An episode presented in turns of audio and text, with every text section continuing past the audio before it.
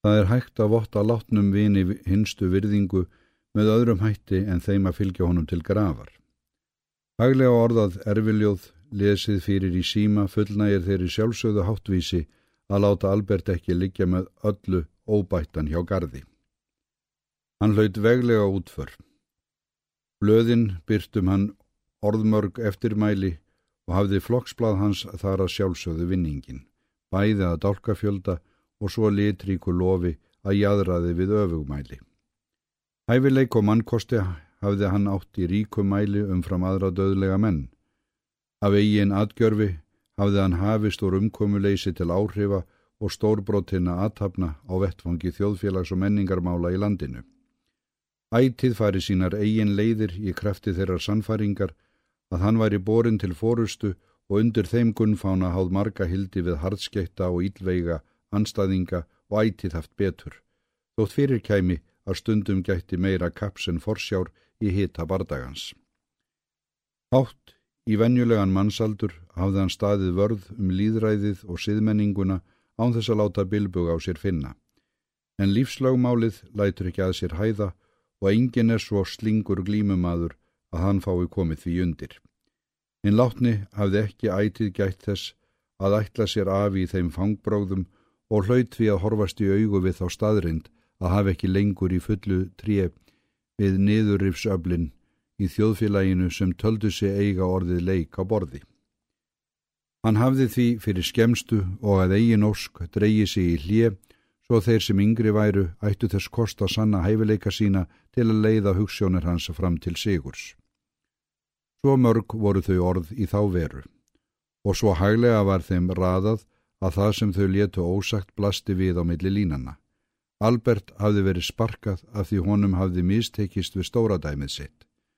Sankvæmt lögmálstöflum frumskóarins hafði hann dæmt sig úr leik og því er það ekki svo þversagnarkent að hann kaus þessi dramatísku leikslokk fram yfir niðurlægandi innilokun í þeim pólitíska skammarkrók sem hlaut að verða hlutskipti hans. Albert er dauður. Hann má einu gilda úr þessu hvort hann er auðsin lofi eða lítilsverðingu. Nafn hans mun fljótlega gleymast og spór hans fenna í kaf. Og kannski má hann þakka fyrir. Sagan er ekki vön því að taka með silkjuhönskum á minningu þeirra sem býða ósigur. Ekkert eðlilegra en að setja hér punktinn fyrir aftan nafnið Albert í eitt skipti fyrir öll. En það á eftir að koma á daginn að fortíðarslóðin sá verður ekki afskrifaður með svo einföldum hætti. Halvu mánuði eftir útför hans gengur eilífur á fund frökun Geirþrúðar hótelstýru til að greiða henni þegar áfallin dvalarkostnað. En þegar hann vekur máls á því, lýsir hún yfir skýrt og skorinort að hann skuldi henni ekki græna neyri. Aftur á móti eigi hann inni nokkur að mánada dvalarpenninga er hún hafi fengið senda með hraði tveimur dögum áður en hann byrtist í eigin personu. Reynist dvöl hans skemmri en þeirri uppað nemur fái hann mismunin að sjálfsögðu greitan. Þetta eru óvandar fréttir, en verð ekki hraktar því bókaldfrökun Geirþrúðar tekur af öll tvímæli. Til að bjarga andlitinu síður hann saman þá skýringu að hann hafi beði vinsinn að annars þessa hlið málsins og glimt því fram að þessu að gangur skugga um að við allt hafi verið staðið eins og ráð var fyrir gert. Albert ennað verki. Einráður og tillitslaus eins og hans var vandi og með þeim hætti að engu verður um þokað lengur. En hver fjandin gekkað honum til að leggja í þessa síðustu fjárfestingu eftir allt sem á undan var gengið og leikslokin ráðin. Tilgangslöst að geta sér til um svör, mælirinn er fullur og harðspora slóðin rækinn til síðasta áfangastadar, kominn tími til að kvitta fyrir samfélgina og varðandi alviskuna fer vel á því að afskrifa hana með sama punktinum og Albert. Hyrnar opnast og ungfrú Bardó smegi sér fimmlega inn, lokar hljóðlega og eftir sér. Ég leit bara inn svona hinsegin, segir hún. Halló Bardó, svarar hann með gáskafullum ungæðis tón, er hann hefur ekki tamið sér í setni tíð.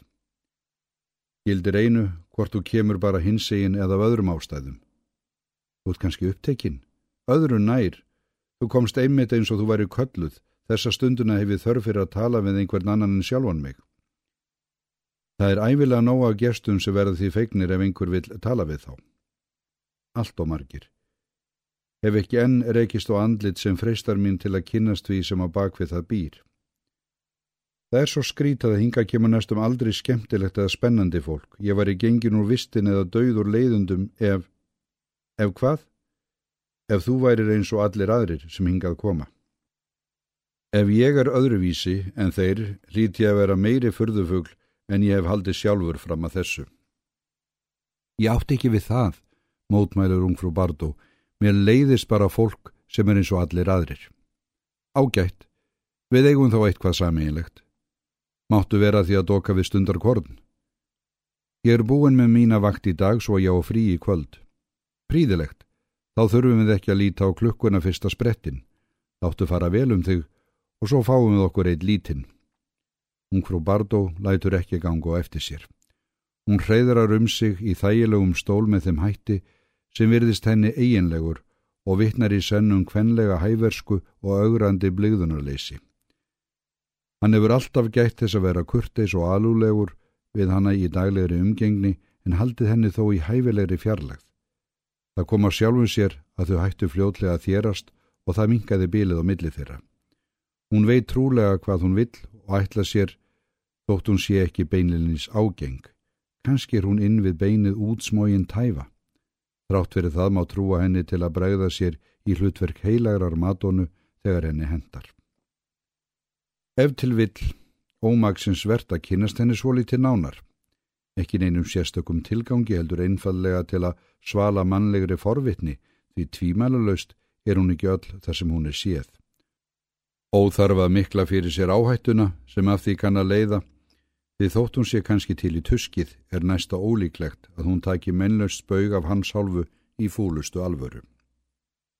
Já, það fyrr að verða hver síðastur fyrir hann að verða sér út um dagamenn. Eftir að hafa rofið þrúandi tengslinn við fortíðina er eins og hafi verið létt af honum fargi og því til endanlegra staðfestingar hafði hann fyrrum daginn borið á bál álitlegan bunga blöðum sem hrúast höfð upp í langri hardsbóraleit.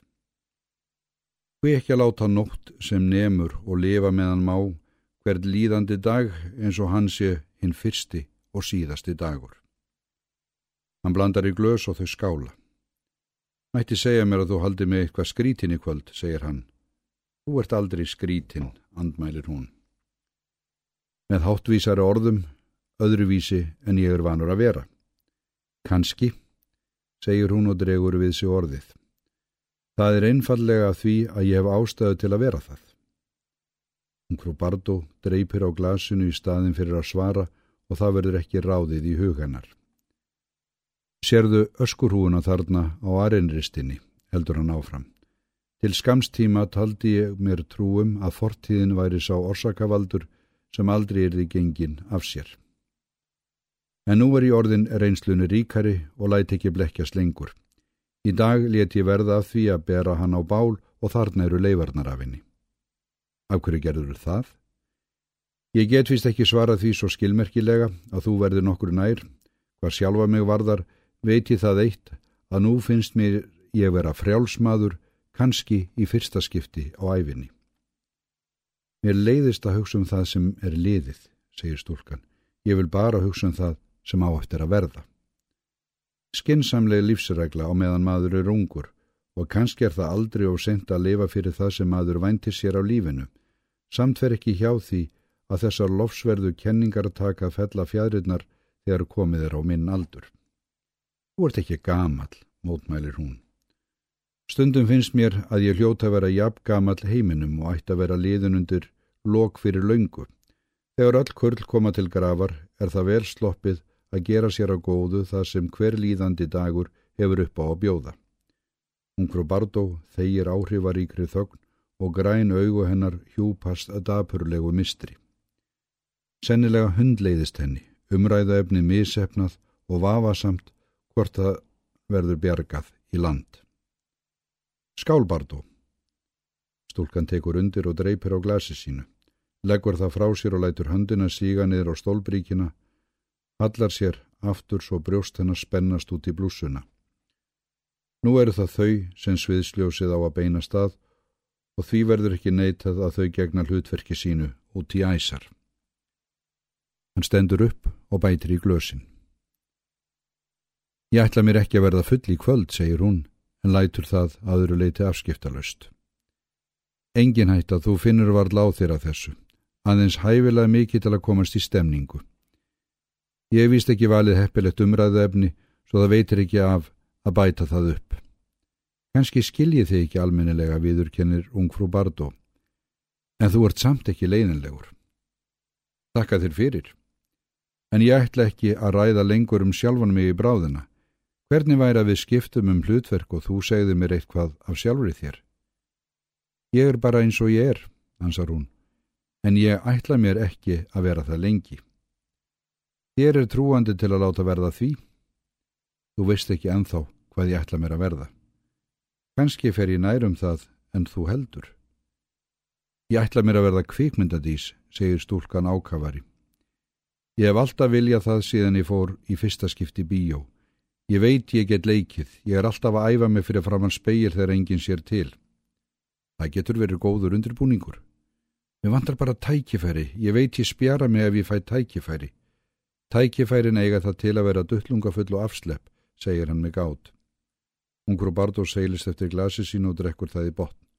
Finnst þér þetta vittlust hjá mér? spyr hún svo. Barnalega spurningar eru óþægilegru öðrum spurningum af því það er ekki hægt með góðri samvinsku að leiða þær hjá sér eða snúa út úr þeim. Þú hefur útliti með þér, segir hann án þess að hræstna. Meira get ég ekki sagt að svo stötu. Til þess þekki ég þig of lítið. Hæfileikarnir einir eru heldur ekki einhlít meðmæli. Ég veit það, segir hún daprari. Hér er heldur ekki hægt að verða neitt. Það er bara í útlöndum sem hægt er að komast áfram. Ég verði útlöndum, svarar hann, og hvað hafði ég upp úr því? Þú ert skald og þú ert frægur. Fræðin er hverflind, auk þess er hún svo dýrkeift að fáir reynast borgunarmenn fyrir því sem hún kostar. Ert að draga úr mér kjarkin? Þú þart ekki að taka meira mark á mér en þér þóknast. Ég get aðeins vitna til eigin reynslu og hún gildir einungis fyrir mig. Hún krú Bardó kvílir kyrr í útaflíkjandi stellingum. Andliðstrættir hennar línast og móða í augunum tekur að nappar saman í tár á kvörmunum. Og þessir glæru drópar stækka og þingjast um sig taka hrinja niður vangana og brjóst hennar bifast í þeim takti sem aðeins sérst á kvikmyndatjaldi eða verður lesið um í ómerkilegum skáldsögum. Er þetta eðlilegur grátur eða er þetta aðeins skopstæling á harmleik? Hvort skildi snoppungur eða skelli látur áhrifaríkari til að ganga og skugga um hvort heldur um er að ræða uppgerð eða alvöru. En það væri ofgrimmuðu afhjúpun.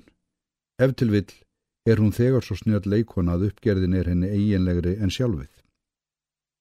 Hann leggur frá sér glasið, grýpur upp vasaklút, lítur yfir hanna og fer að þurka henni tárin. Þá er hún allt í hennu kominu með báða handlegjum hálsin á honum og hún er svo sterk að hann verður að láti í minni pókan.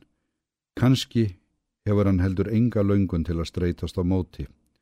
Þegar agnið er nóg á fristandi vil öngullin gleymast þangatilinn situr fastur í kókinu.